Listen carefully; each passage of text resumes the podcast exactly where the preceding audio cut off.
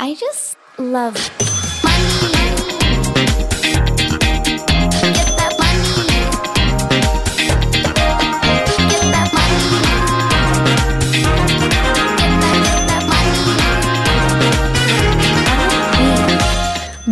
mandag og velkommen til en ny episode av Karrierekvinner podcast. Det er påskeferie, jeg håper dere har kosa dere med restriksjoner i det fine været, kanskje tatt en påskepils i sola, laga masse deilig innhold til alle sosiale medier og kanaler og hva enn dere trenger, og kanskje fått senka skuldrene litt hvis dere trenger det. I dag så sitter jeg her med Caroline Hamre, som er en av medeierne i Equal Agency. Hun har en bachelor i markedsføring og ledelse fra BI. Og hun er rett og slett en skikkelig bossbabe i sitt eget markedsføringsbyrå Cash Marketing, i tillegg da til å drive Equal Agency sammen med meg og Donna Castrati. Hun har bodd to semester i to ulike land. Hun har bodd i Indonesia, eh, på Bali, og i Spania, i Madrid. Hun starta markedsføringsbyrået Cash Marketing i 2019, og hun har altså ja, et par år på baken som eh, selvstendig næringsdrivende. I dag så tenkte vi å snakke litt om eh, ja, det å markedsføre seg på sosiale medier. Eh, litt sånn i forhold til digitale medier. Hva skal man huske på? Og hvordan er det med markedsføring nå under en pandemi? Og hva hvis det ikke var for pandemien? Hvordan bør man egentlig markedsføre seg i 2021? Vi skal snakke litt om influensemarkedsføring, men også generelt sosiale medier og digitale medier. Så velkommen, Karoline! Altså, Tusen takk. Litt av en intro. Og jeg må jo bare si at jeg syns det er litt imponerende at du faktisk har fått meg med på denne podkasten. Ja, det må jeg også si, for du er vel eh, altså Donna er også innadvendt. Eller ikke innadvendt, dere er jo helt crazy loco begge to, men ikke, det, du får de liksom ikke fram. Men det er veldig kult at du har lyst til å være med nå. ja, absolutt. Og det er jo sånn, vi er jo du og, altså du og Donna har jo litt sånn influenserperspektivet, og jeg har jo bedriftsperspektivet. Og jeg tror nok at bedrifter kjenner meg nok litt bedre, men influenserne tror jeg på en måte ser på meg som en litt sånn kanskje litt sånn rolig og reservert type, men venner og familie vil nok ikke beskrive meg helt på den måten. Eh, Nei, det tenker jeg, for jeg, jeg ser jo den andre Karoline enn det ja, veldig mange av medlemmene våre ser. da, Så jeg vet jo, hvor, jeg vet jo hvordan du er. ja, ikke sant. Nei, men, men jeg, jeg, tenkte, Nå har du spurt meg et par ganger, så tenkte jeg nå må jeg ut av komfortsonen. Og så har jeg vært på Clubhouse litt i det siste og på en måte blitt litt mer komfortabel med det å snakke. Så tenkte jeg dette er jo et veldig interessant tema i forhold til korona, hvordan drive business i denne tiden, og ikke minst dele litt erfaringer og tips eh, hvordan man kan markedsføre seg på Instagram. Det. Og det er jo en del kunnskap jeg kan om det, og så er det jo du som har det influenseperspektivet. Så jeg tenkte Ja, det er det som er kult. Ja, Nå var det på tide å bli med. Ja, men det er så kult at du nevnte det med Clubhouse, for der har du virkelig liksom funnet din rolle på internett, føler jeg. Ja, altså det, Jeg tror det er noe med det å ikke ha video eller kamera. At du bare har bildet ditt, og så kan du bare snakke løst, og så tenker du ikke på Clubhouse at det faktisk er 200 som sitter og hører på. Du bare, mm -hmm. jeg har I begynnelsen så lot jeg være å bla ned for å se hvor mange som var inne på, bare, sånn, bare for å roe litt ned. Så, men eh, nei, det, det, er veldig Og i hvert fall Clubhouse har jo blitt sånn skikkelig innom i koronatiden. Og en mm -hmm. plattform jeg tenker alle bør være på nå, spesielt bedrifter. da. Ja, men ok, La oss hoppe først ett steg tilbake. Hvordan Uh, altså, jeg synes du, har, liksom, du nailer den moderatorrollen så sinnssykt bra. Jeg er sånn, jeg flakser så i huet mitt, jeg har så mye tanker. Jeg, er, jeg tror jeg er nesten for utadvendt og for, ja, Jeg vet ikke, jeg er for et eller annet. Jeg passer ikke inn på Clubhouse. Det er første sosiale medier hvor jeg føler meg helt sånn awkward. Men der, du bare skinner på Clubhouse. Men altså, som en markedsfører, hvorfor skal man komme seg inn på Clubhouse? Altså, Først og fremst tusen takk. Og jeg føler òg at jeg kanskje har funnet litt rollen min der. Men jeg tror kanskje at når man modererer, så bør man på en måte Eller du funker jo på dødsmye. Du er kjempekomfortabel på scenen, og du er kjempekomfortabel på live, alt dette. Men på, når du skal moderere på så er det jo veldig sånn at du bør være litt rolig, og du bør liksom på en måte kunne eh, stille spørsmål videre til den andre som modererer, og på en måte få en flyt. og så på en måte ja, Men jeg tenker jo i hvert fall for bedrifter så er det jo veldig lurt å være på Clubhouse fordi at man bygger en merkeverd. Og på Clubhouse handler det jo ikke om å på en måte pushe salg, men det handler mer om du bare deler din erfaring, dine tanker, dine tips. Og sånn som vi i Agency har jo rom hver tirsdag og torsdag med Benja Fagerland. Og vi har jo hatt en skikkelig boost av å være der inne og fått mye Mm. nye følgere og blitt mer synlig. da, så jeg tenker jo Uansett hva du driver med, driver du med hudpleie, klær, altså whatever, så kan du være der, og så kan du lage rom på akkurat hva du ønsker sjøl. Mm. Så jeg tenker Vi det ser jo Mm. Det er jo bare hva har du på tacoen-rom? Altså, det er rom for alt og alle. ja, ja, ja, virkelig. Sånn, på, på dagtid så er det veldig businessprat og veldig sånn verdi, verdi, mens på kveldstid så er det veldig sånn Hva de kaller det? Monkey club? Er det det? Ja, stemmer! Bananaklubb! Banan Bananaklubb. Ja, Det var nesten. ja, da er det jo litt sånn dating, og jeg har vært med i masse forskjellige eh, morsomme rom. Så, men ja, absolutt noe for alle, tror jeg. Det er sånn man dater under en pandemi, folkens. Kom dere på Clubhouse. Ja, ikke sant? Ja, men jeg har sett sånn speed-dating. Det er helt vilt. Ja, jeg har sett mange der. Jeg syns det er litt underholdende å høre på, faktisk. Skikkelig gøy. Men ok, Clubhouse. Fordi det det, det handler om, da, eh, både under en pandemi spesielt, men også sånn generelt i 2021 For det er så mye metta markeder der ute. Så hvis du driver eh, i en bransje da, som kanskje har veldig mange konkurrenter, eh, eller nå fordi det er en pandemi, så handler det om å holde merkevaren sin varm. Eh, og hvordan gjør man det? Altså, det handler jo om å gi verdi, være til stede, være den personen som folk husker på når pandemien er over. Mm, absolutt. Hvordan gjør man det? Altså, jeg tenker sånn, Det er jo ingen tvil om at alle bedrifter har blitt påvirka av denne koronapandemien, og selvfølgelig i forskjellig grad. sånn så Vi er jo veldig heldige som driver mye digitalt, men samtidig driver vi jo med, med eventer. og det er, jo, det er jo ikke det samme å drive det digitalt som fysisk. Men jeg tenker det første er når korona kom, og de bedriftene som faktisk klarte å snu seg rundt og tenke nytt og være litt på ballen, det er jo de som faktisk klarer å overleve. og jeg var, når jeg var på Clubhouse for litt siden, så var det ei som hadde et så skikkelig godt eksempel på hvordan man kan snu seg rundt og på en måte tenke nytt, selv om man kanskje er den bransjen som er hardest ramma. Og da er det jo en bedrift i Stavanger, altså en cocktailbar, eh, som eh, fikk altså Det ble jo nasjonal skjenkestopp, ingen kunne servere, og det er jo det de lever av. Og det denne bedriften gjorde da, var at det- de begynte å lage sånn cocktailbar-kit eller gaveesker med shaker, oppskrifter, forskjellig sprit og likør og sånne ting. og promoterte dette på sosiale medier da, og solgte dette. og Det er bare sånn fin måte på at ok, du er kjempehardt ramma, men du kan faktisk tenke nytt, til tross for at du ikke kan servere noe alkohol. Og Det syns jeg er et veldig godt eksempel på eh, at uansett hva du driver med, uansett hvor hardt du er ramma, så må man bare tenke nytt. Og så tenker jeg òg Tenk digitalt. Altså, du, driver du en skjønnhetssalong, start nettbutikk eller tilby hjemmelevering i den byen du er i. Eller hvis du driver f.eks. treningssenter, dansestudio, yoga. så er det sånn, Jeg skjønner at det ikke er så gøy å ta det digitalt, men det er mye bedre enn ingenting å på en måte være hva skal jeg si, være, akt, altså være litt på da, og vise at du tilbyr noe til tross for at det kanskje ikke er helt det samme. Og sånn som du sa, det å holde merkevaren varm, det er veldig viktig. og jeg har jo sett eksempel, eh, Reisebransjen også er jo en av de bedriftene som har hardest ramma, kanskje. Og jeg har jo sett sånn som Apollo, eksempel.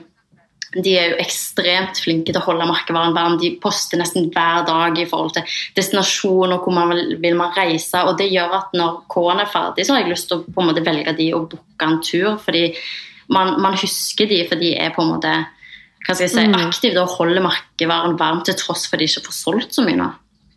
Mm, det er sant. Hvilke, altså sånt, litt mer spesifikke tips Et uh, tips som vi ga til et av medlemmene våre, et dansestudio, det er jo eksempel å kunne tilby gratis dansetrening for f.eks. barnehager og barneskoler, da, som uansett har gymtimer, fordi de ikke er like ramma som alle andre som har rødt nivå. holdt jeg på å si. Uh, hvor mange elever er det ikke å hente når pandemien er over, hvis de har fått dilla på dans gjennom gym? da? Da er det jo selvfølgelig det studio de velger. Så det er liksom, og hvis du er frisør, da.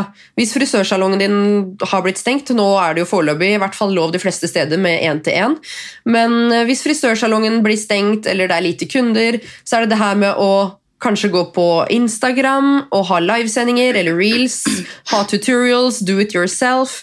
Du tenker kanskje at å nei, jeg må ikke gi så mye verdi at de klarer det sjøl, men de kommer alltid til å velge deg når, du, altså når ting åpner igjen, da.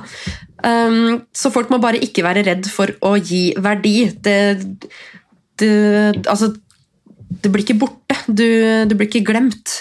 Det er litt viktig at eh, også kreative yrker som er stengt, bare do it yourself, lag en eller annen video, få det ut der.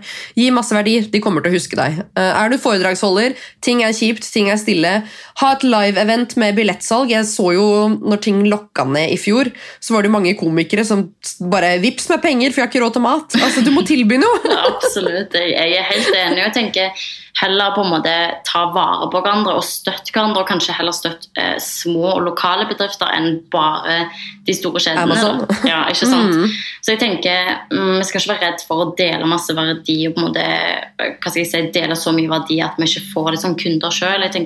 Heller gjør det, og så skaper du en tillit da, til dine kunder. Ja, absolutt. Det er et sånn godt eksempel, for vi i Equal Agency vi har holdt på nå i ett år, og det er noen ganger vi er litt sånn ok, nå har vi faktisk gitt så mye verdi at vi bygger konkurrenter. Ja. Men eh, vi står jo også for det, da. Altså, vi skal heller ha samarbeid over konkurranse. Men eh, det handler om å gi verdi. Du vil være den eh, kule dama som har hjulpet folk opp. Så kjør på med det. Men altså, nå er vi jo litt snakka litt om Instagram. Du eh, driver med innholdsproduksjon for en del bedrifter, rett og slett fordi de ikke har tid, eller kanskje kunnskap, til å gjøre det sjøl. Um, hva er dine beste tips for bedrifter som ønsker å liksom synliggjøre seg på Instagram? Um, altså, først og fremst så tenker jeg eh, det, å ha, altså, det å være på Instagram er liksom nummer én. Det, de sier jo at hva da, 80% av folk som har Instagram, følger én eller flere bedrifter. Så først bør man jo være på Instagram. Det er jo på en måte der det skjer. Hvis jeg skal finne en frisørsalong, så går jeg og søker på Instagram. Hvis jeg, skal, hvis jeg er i en annen ukjent by eller på ferie skal finne en koselig restaurant eller kafé, så er det Instagram jeg søker rundt for å finne. Så først og fremst vær på Instagram, vær aktiv. Lag et sånn visuelt fint system hvor det, på en måte, det kan se litt profesjonelt og ryddig ut når du kommer innpå, men òg selvfølgelig at alt innhold du lager, gir verdi. Det skal jo ikke kun se pent ut, på en måte. det skal jo være eh, verdi. og da pleier jeg egentlig å forholde meg litt til en sånn sjekkliste hvor jeg har, tenker på ett av de punktene at jeg i hvert fall skal snakke, eller på en måte ha fokus på det da når jeg lager innhold. og da er det enten at man er åpen eller personlig. Eh, og da tenker jeg at du kan vise litt bak kulissene, f.eks. når du får nye varer, eller neste kolleksjon, hva, hva følgere har lyst til å få inn neste sesong, eller f.eks. Ja, rett og slett bare ha en litt sånn åpen post la de bli kjent med deg, eller en post i forhold til det å på en måte opplyse noe eller gi kunnskap.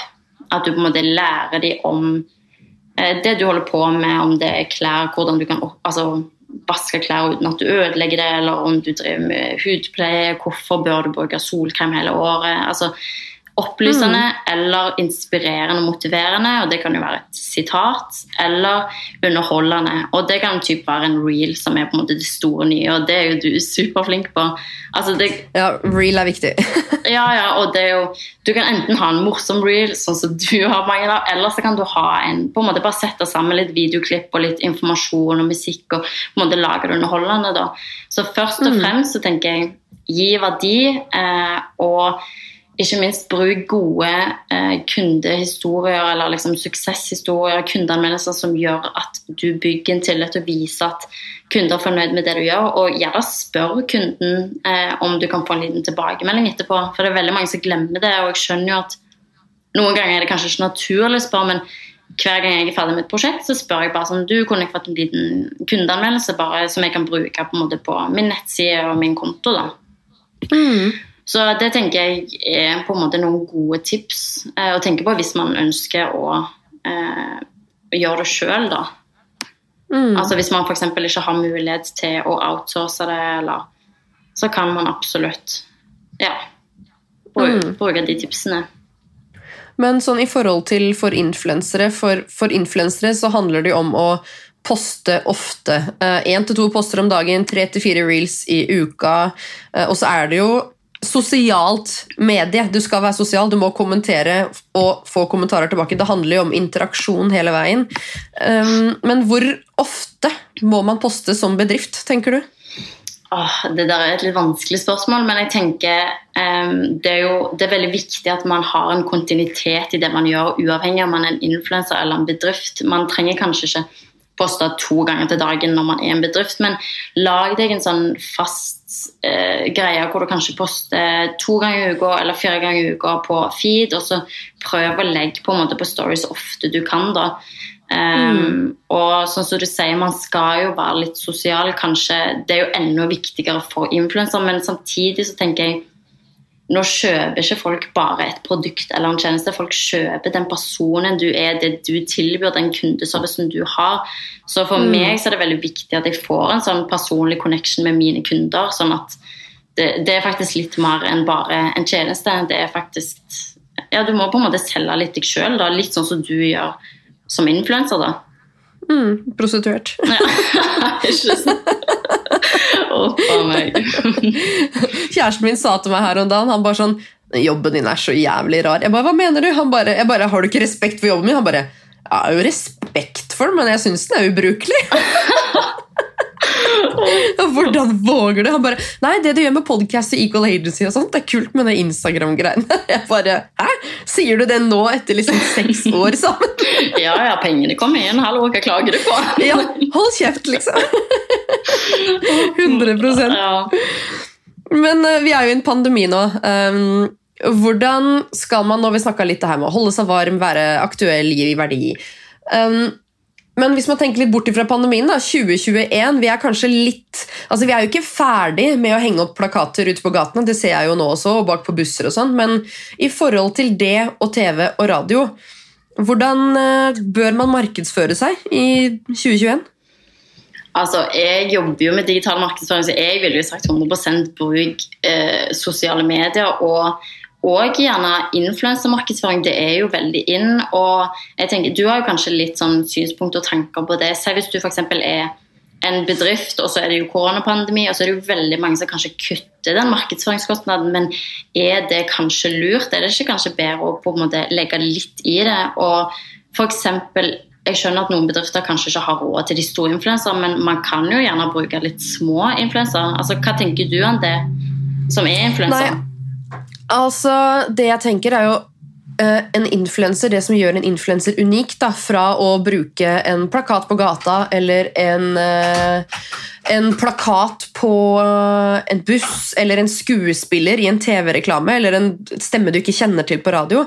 Forskjellen på en influenser er jo at det er en ekte person, og følgerne til denne ekte personen de har jo en viss troverdighet til dette mennesket. De ser jo på det mennesket her som et forbilde eller en venn. eller, ja, ikke sant? Eh, Så det tenker jeg at man får en helt sånn annen Det blir litt som å få en produktanmeldelse av en venninne.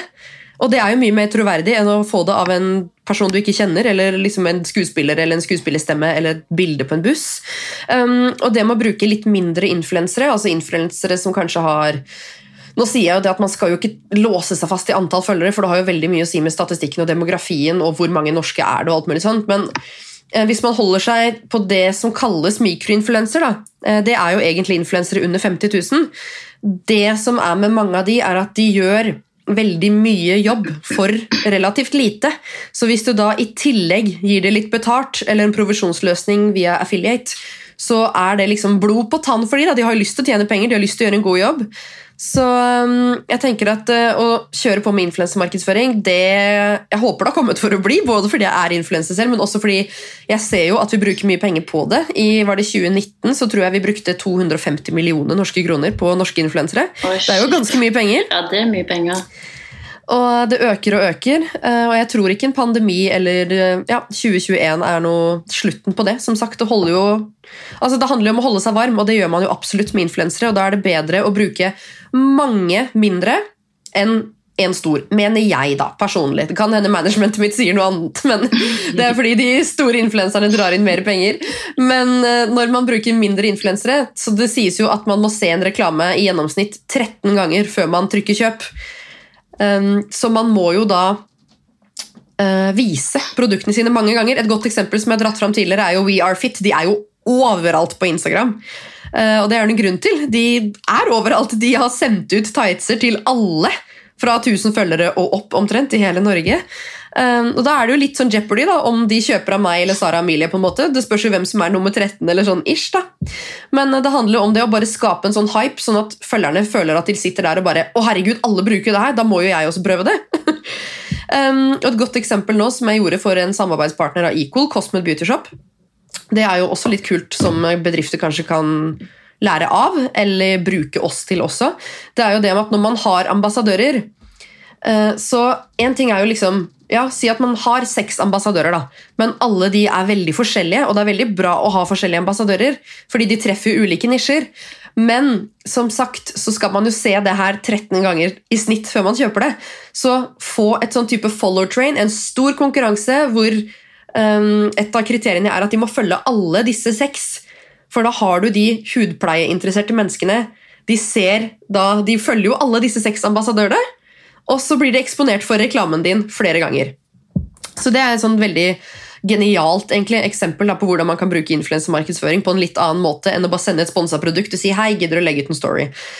Og så er det det her med å ha en eh, strategi, en forretningsplan, mål og mening med det du gjør. Det kan jo som sagt vi i Equal hjelpe deg med, men det handler bare om å vite hvorfor sender du det produktet, hva forventer du i retur, ha en kontrakt som handler om forventninger, om betalingsløsning, er det, er det en flat fee, er det en affiliate, er det bare spons, hvilke dato skal det ut, hva skal ut, er det en post, er det en reel, er det hvor mange stories, Um, og så det her med etter endt samarbeid, da, at man faktisk um, for bedriften uh, er ærlige. Det er jo veldig viktig. Det er veldig mange bedrifter som nekter å si hvor mye du har solgt. Det er en uting, spør du meg. Så kjære bedrift, uh, gi innsikt i hvor mye de har solgt, og gi en tilbakemelding på hvordan du syns samarbeidet har vært. Uh, og Det er også for influensernes side. Be om tallene dine, be om en tilbakemelding, og kjør det inn i mediakittet ditt med prislister, CV, referanser, søknad. Ja, Full pakke. Um, så ja, se på det som en business. Ha en forretningsplan, ha en strategi. Influensere, ikke motta spons uten en strategi. Hvorfor tar du imot den sponsen her? Er det for å få en god review, for å få et enda bedre betalt samarbeid? Er det for å overbevise dem om at du er såpass god at du får et nytt samarbeid som kanskje er betalt? Og for bedriftene, hva er formålet med det her? Altså, vit hva du gjør når du gjør det. Det kan jo vi hjelpe til med, men det håper jeg i hvert fall at de har gitt litt, litt av verdi der. Men uh, heia influensemarkedsføring! Og mitt beste tips er betal influenserne, om det så bare er en 500-lapp. Hvis det er en liten influenser, de gjør så mye for 500 kroner, for de vil opp. Ikke sant? Så, ja. Absolutt, og det er, jo, det er jo det vi gjør i Equal. For vi har jo veldig mange små bedrifter som kanskje ikke har råd til de største influenserne. Så det å faktisk bare bruke de litt mindre, og kanskje flere, sånn som du sier. og ta litt betalt, sånn at de har en sånn motivasjon og in altså blir inspirert til å gjøre en god jobb. Og da har du for det første influenser som sprer ordet, men òg mye godt innhold du kan bruke på deres kanal igjen. Mm. Så det er sånn til de bedriftene som ennå ikke har tatt i bruk influenser, altså ikke vær redd for det ordet. Det høres jo ut som at det er sånn Oi, dette koster mye, jeg må bruke de store. Men, men nå er det jo veldig sånn altså inn for mikroinfluensere å bruke flere små, og kanskje på en måte ha de litt kortere perioder og på en måte fornye. Jeg vet ikke helt, Hva tenker du om det? Hvor langt samarbeid er det egentlig vanlig å ha? Det, varierer det litt fra store til små, eller? Ja, altså Det varierer veldig. Det influenserne ønsker, er jo en fast kunde som kanskje følger dem gjennom ett år eller flere år, men samtidig så er det veldig mange som blir booka på kampanjer. F.eks. nå, da, som is, eh, vanlig pinneis er liksom tilbake i butikken, og de ønsker å liksom bom, frontesalg, så er det en kampanje for meg å reklamere for Hei, nå har denne nyheten fra Diplomis kommet. Da er det en kampanje. Det samme er jo hvis hvis Kerscher, da, som er en sånn leverandør av alt mulig rart til huset, vindusvask og støvsuger, og sånn, hvis de kommer med et nytt produkt, så er det en kampanje. Da er det på en måte to poster og to stories, for eksempel, da. Mens jeg har samarbeid med f.eks. Twist Shake og We Are Fit, som går liksom over flere år. Så det er veldig forskjell på det, men jeg tenker at uansett så er det viktig å ha et prøvesamarbeid. Man signerer jo ikke et årskontrakt med en hvilken som helst person uten å teste det først. Så øh, kjør enten en runde med ett testsamarbeid før man ja, finner ut hvordan det gikk, og hva man skal gjøre videre. Eller så er det jo anbefalt da, å ha um, typ tre måneder. For som sagt, de må være eksponert for reklamen flere ganger for å selge. Så du kan egentlig ikke bare sende et produkt til en eh, mikroinfluenser, be de legge ut én ting og forvente mye salg.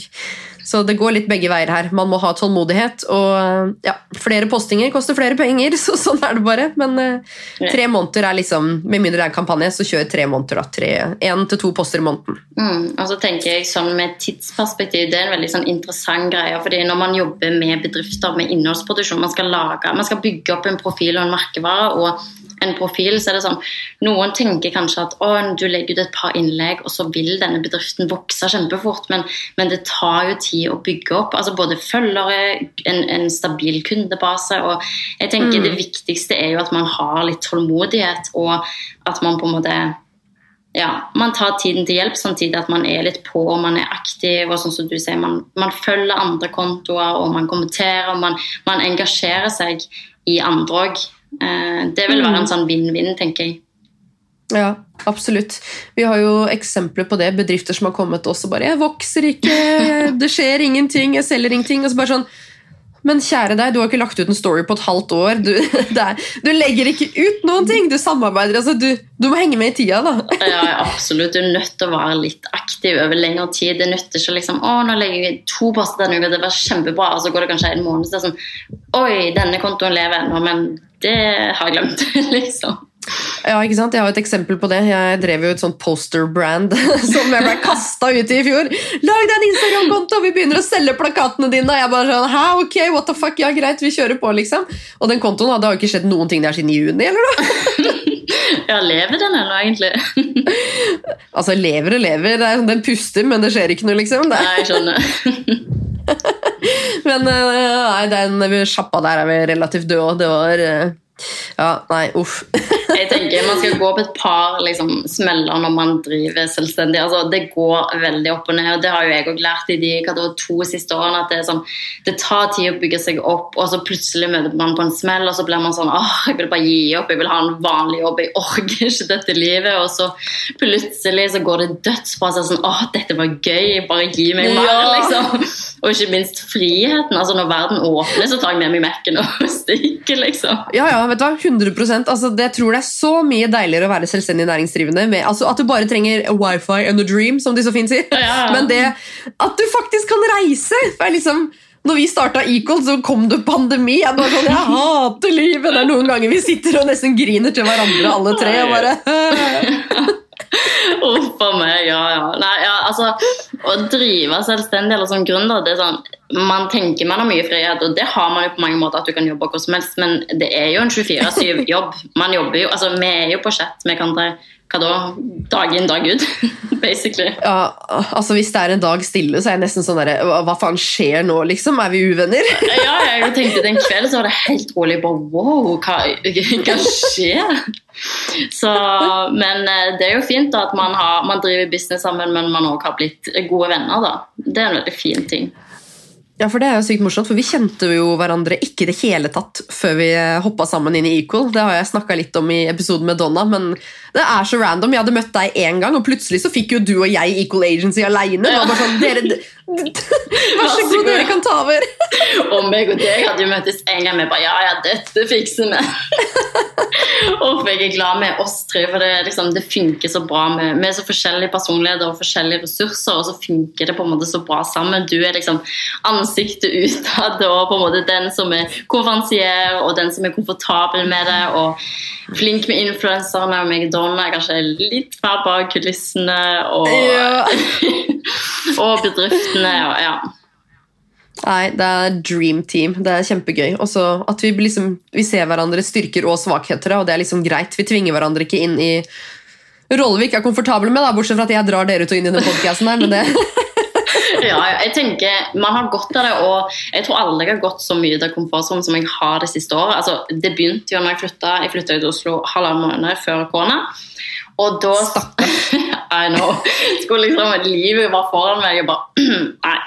Men eh, da begynte jeg i hvert fall med å holde foredrag foran 100 stykker, og det er så ut av min komfortsone. Og så var det jo Clubhouse, hvor vi har moderert rommet over 200 stykk, og nå podkast. Så jeg tenker eh, ut av komfortsonen er en god ting. Det er litt skummelt, men man blir liksom ja, man blir litt mer vant med det og bedre på det.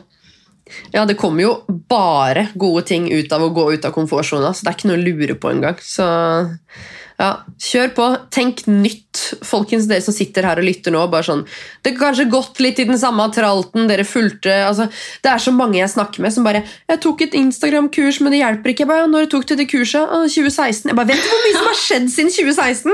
Jeg var med på Top Model i 2016. Hadde jeg vært med på Top Model i 2017, så hadde jeg kanskje hatt 90 000 følgere på Instagram. altså, Ja, vet du hvor mye som har skjedd siden 2016? liksom? 2016 var dødt i forhold til 2017, 18, 19, 2021. Altså, hvis du har tatt et kurs i hva som helst for over fem år siden, drit i alt du har lært. altså omtrent. Ja, ja, jeg tenker Det skjer jo noe nytt hver måned, nesten spesielt på Instagram. alle disse kanalene, Det er en ny oppdatering, man må på en måte henge med. og Man, ja, altså, man må utvikle seg hele veien, tenker jeg. Det er det viktigste. Det er helt vilt, og det gjelder jo både influensere og bedrift. Ta alltid i bruk nye apper og nye funksjoner inni appene. Veldig godt eksempel på det er jo Reels, som Instagram rulla ut i når var det? Var det september eller noe? Mm, jeg tror det. Ja. Um, og de som ikke har tatt i bruk Reels, de sliter litt med å okse. Uh, jeg tok i bruk Reels. Jeg har, uh, tror nesten jeg nærmer meg 2,5 millioner avspillinger på Reels. Altså, Det er helt sinnssykt at det går an. Så ta i bruk Reels. Og det er sikkert veldig mange som tenker ja, jeg er ikke komfortabel med det, men som Karoline sa, du trenger ikke å vise ansiktet ditt engang. Du, ja, du kan gå på Canva, du kan kjøpe rettigheter til andre videoer, du kan legge på tekst, du kan ha fin musikk. Det handler bare om trendende musikk, riktige hashtags, og at det er funksjon reels. Fordi du trenger ikke å vise ansiktet ditt for at den skal havne på utforsk og gå viralt og, ja, for å få mye følgere. Så ta i bruk alle funksjoner som kommer ut. Rett og slett. Så vi, vi begynner å bli gode på reels i Equal Agency òg. Jeg har jo vært litt sånn hvor influenser skal jeg være liksom, på Equal? Det sånn, jeg har låst meg litt fast i at jeg er influenser, Equal er bedrift. Men nå prøver jeg liksom å ta den der reels-influenser-delen inn i Equal, så får vi se hvordan det går. Men Ja, jeg synes det er kjempebra. Altså, kombinere det, det er jo influenser og bedrift. Altså, Hele Equal er jo det. Det er jo det det består av. ja, ja, ja. Så hvorfor ikke? 100 Nei, men det er litt kult. Vi har jo mange hybridmedlemmer også, som er både influensere, men også bedrift. Her ser jeg det rykker litt i dørhåndtaket. Jeg har dattera mi ute i stua. her. men vi har jo mange, mange hybridmedlemmer, og det tenker jeg er litt sånn godt tips, da. Ja, det er en liten unge som gråter. Eh, men jeg har barnevakt. Eh, men eh, litt sånn godt tips til bedrifter. Se på seg selv litt som en sånn type influenser. Gå på Story, snakk masse på Story, gjør som Karoline sier, vær personlig, lag IGTV, lag reels, og gi mye verdi, rett og slett. Men eh, Karoline, nå som jeg endelig har dratt deg inn i podkast-episoden her, så vil jeg jo at eh, lytterne skal bli litt bedre kjent med deg også. Nå håper jeg jo Vanligvis så gir vi jo liksom verdi i slutten av episoden, sånn at vi liksom tvinger lytterne til å bli kjent med disse karrierekvinnene vi snakker med. Men vi håper at eh, de fortsatt eh, følger med og har lyst til å bli litt bedre kjent med deg. fordi du har jo en bachelor i markedsføring og ledelse fra BI. Men hva skjedde etter du var ferdig? Hoppa du rett ut i en annen jobb? Eller begynte du rett som selvstendig næringsdrivende? Hva skjedde? Nei, vet du hva? Den der gründerlivet havna egentlig litt i sånn tilfeldig fanget på meg. Fordi jeg har på en måte aldri tenkt at eh, gründerlivet var på en måte det jeg skulle, eller starte bedrift. Det var på en måte ikke i tankene mine. Selv om jeg har faktisk en del gründere tilbake i familien. Men jeg var på en måte der at jeg søkte litt jobber innenfor markedsføring, og markedet er ikke veldig stort i Stavanger. Så med mindre du har kontakter eller arbeidserfaring, noe man ikke har når man er ferdig rett fra studiet, så, så er det vanskelig å få en jobb. Så jeg sendte, etter å ha sendt en del søknader og lite respons, eh, så sendte jeg tilfeldig en mail til en bedrift eh, som viser seg å være en veldig lite markedsføringsbyrå, typ sånn som jeg er i dag. Eh, hvor jeg på en måte meldte min interesse og forklarte at jeg syntes det var et kult konsept og lurte på om jeg hadde lyst til å ha en samtale eller på en måte trengte noe hjelp.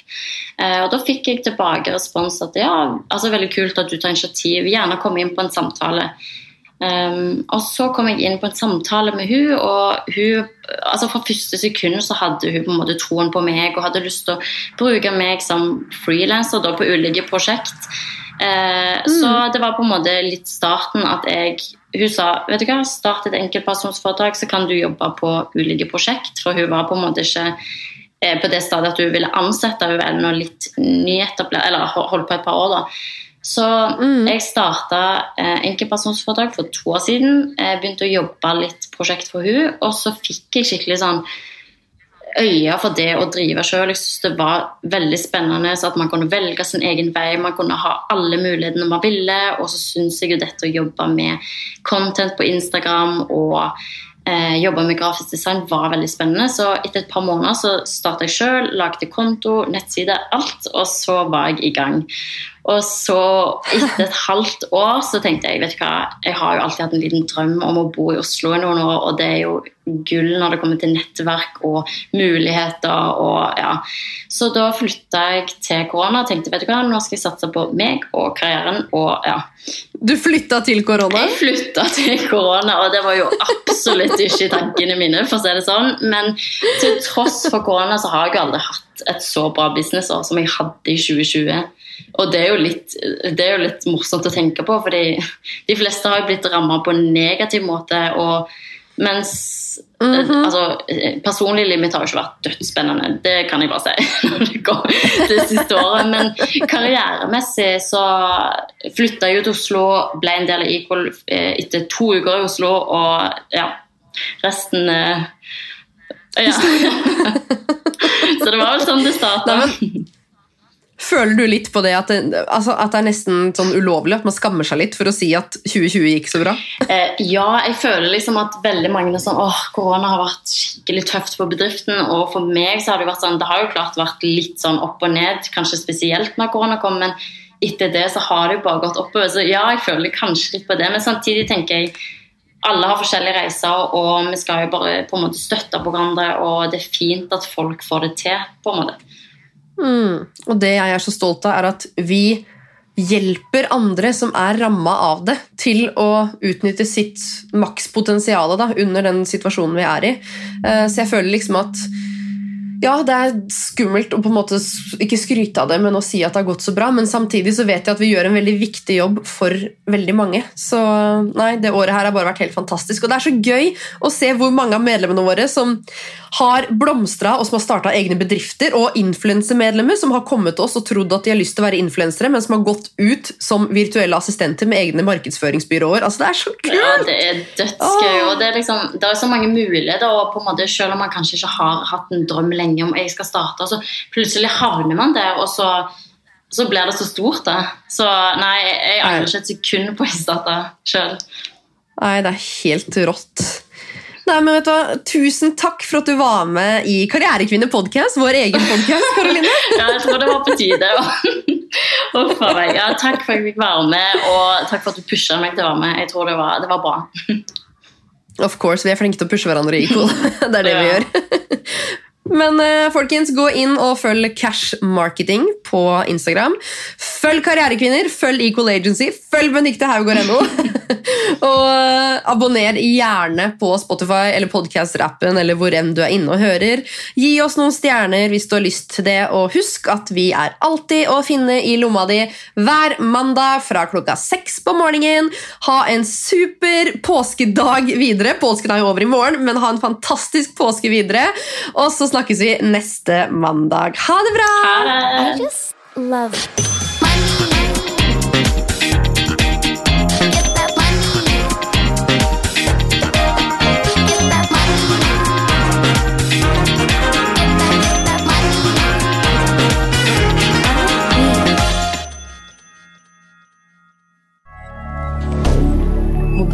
Get Har du et enkeltpersonforetak eller en liten bedrift? Da er du sikkert lei av å høre meg snakke om hvor enkelt det er med kvitteringer og bilag i fiken, så vi eh, gir oss her, vi. Fordi vi liker enkelt. Fiken superenkelt regnskap.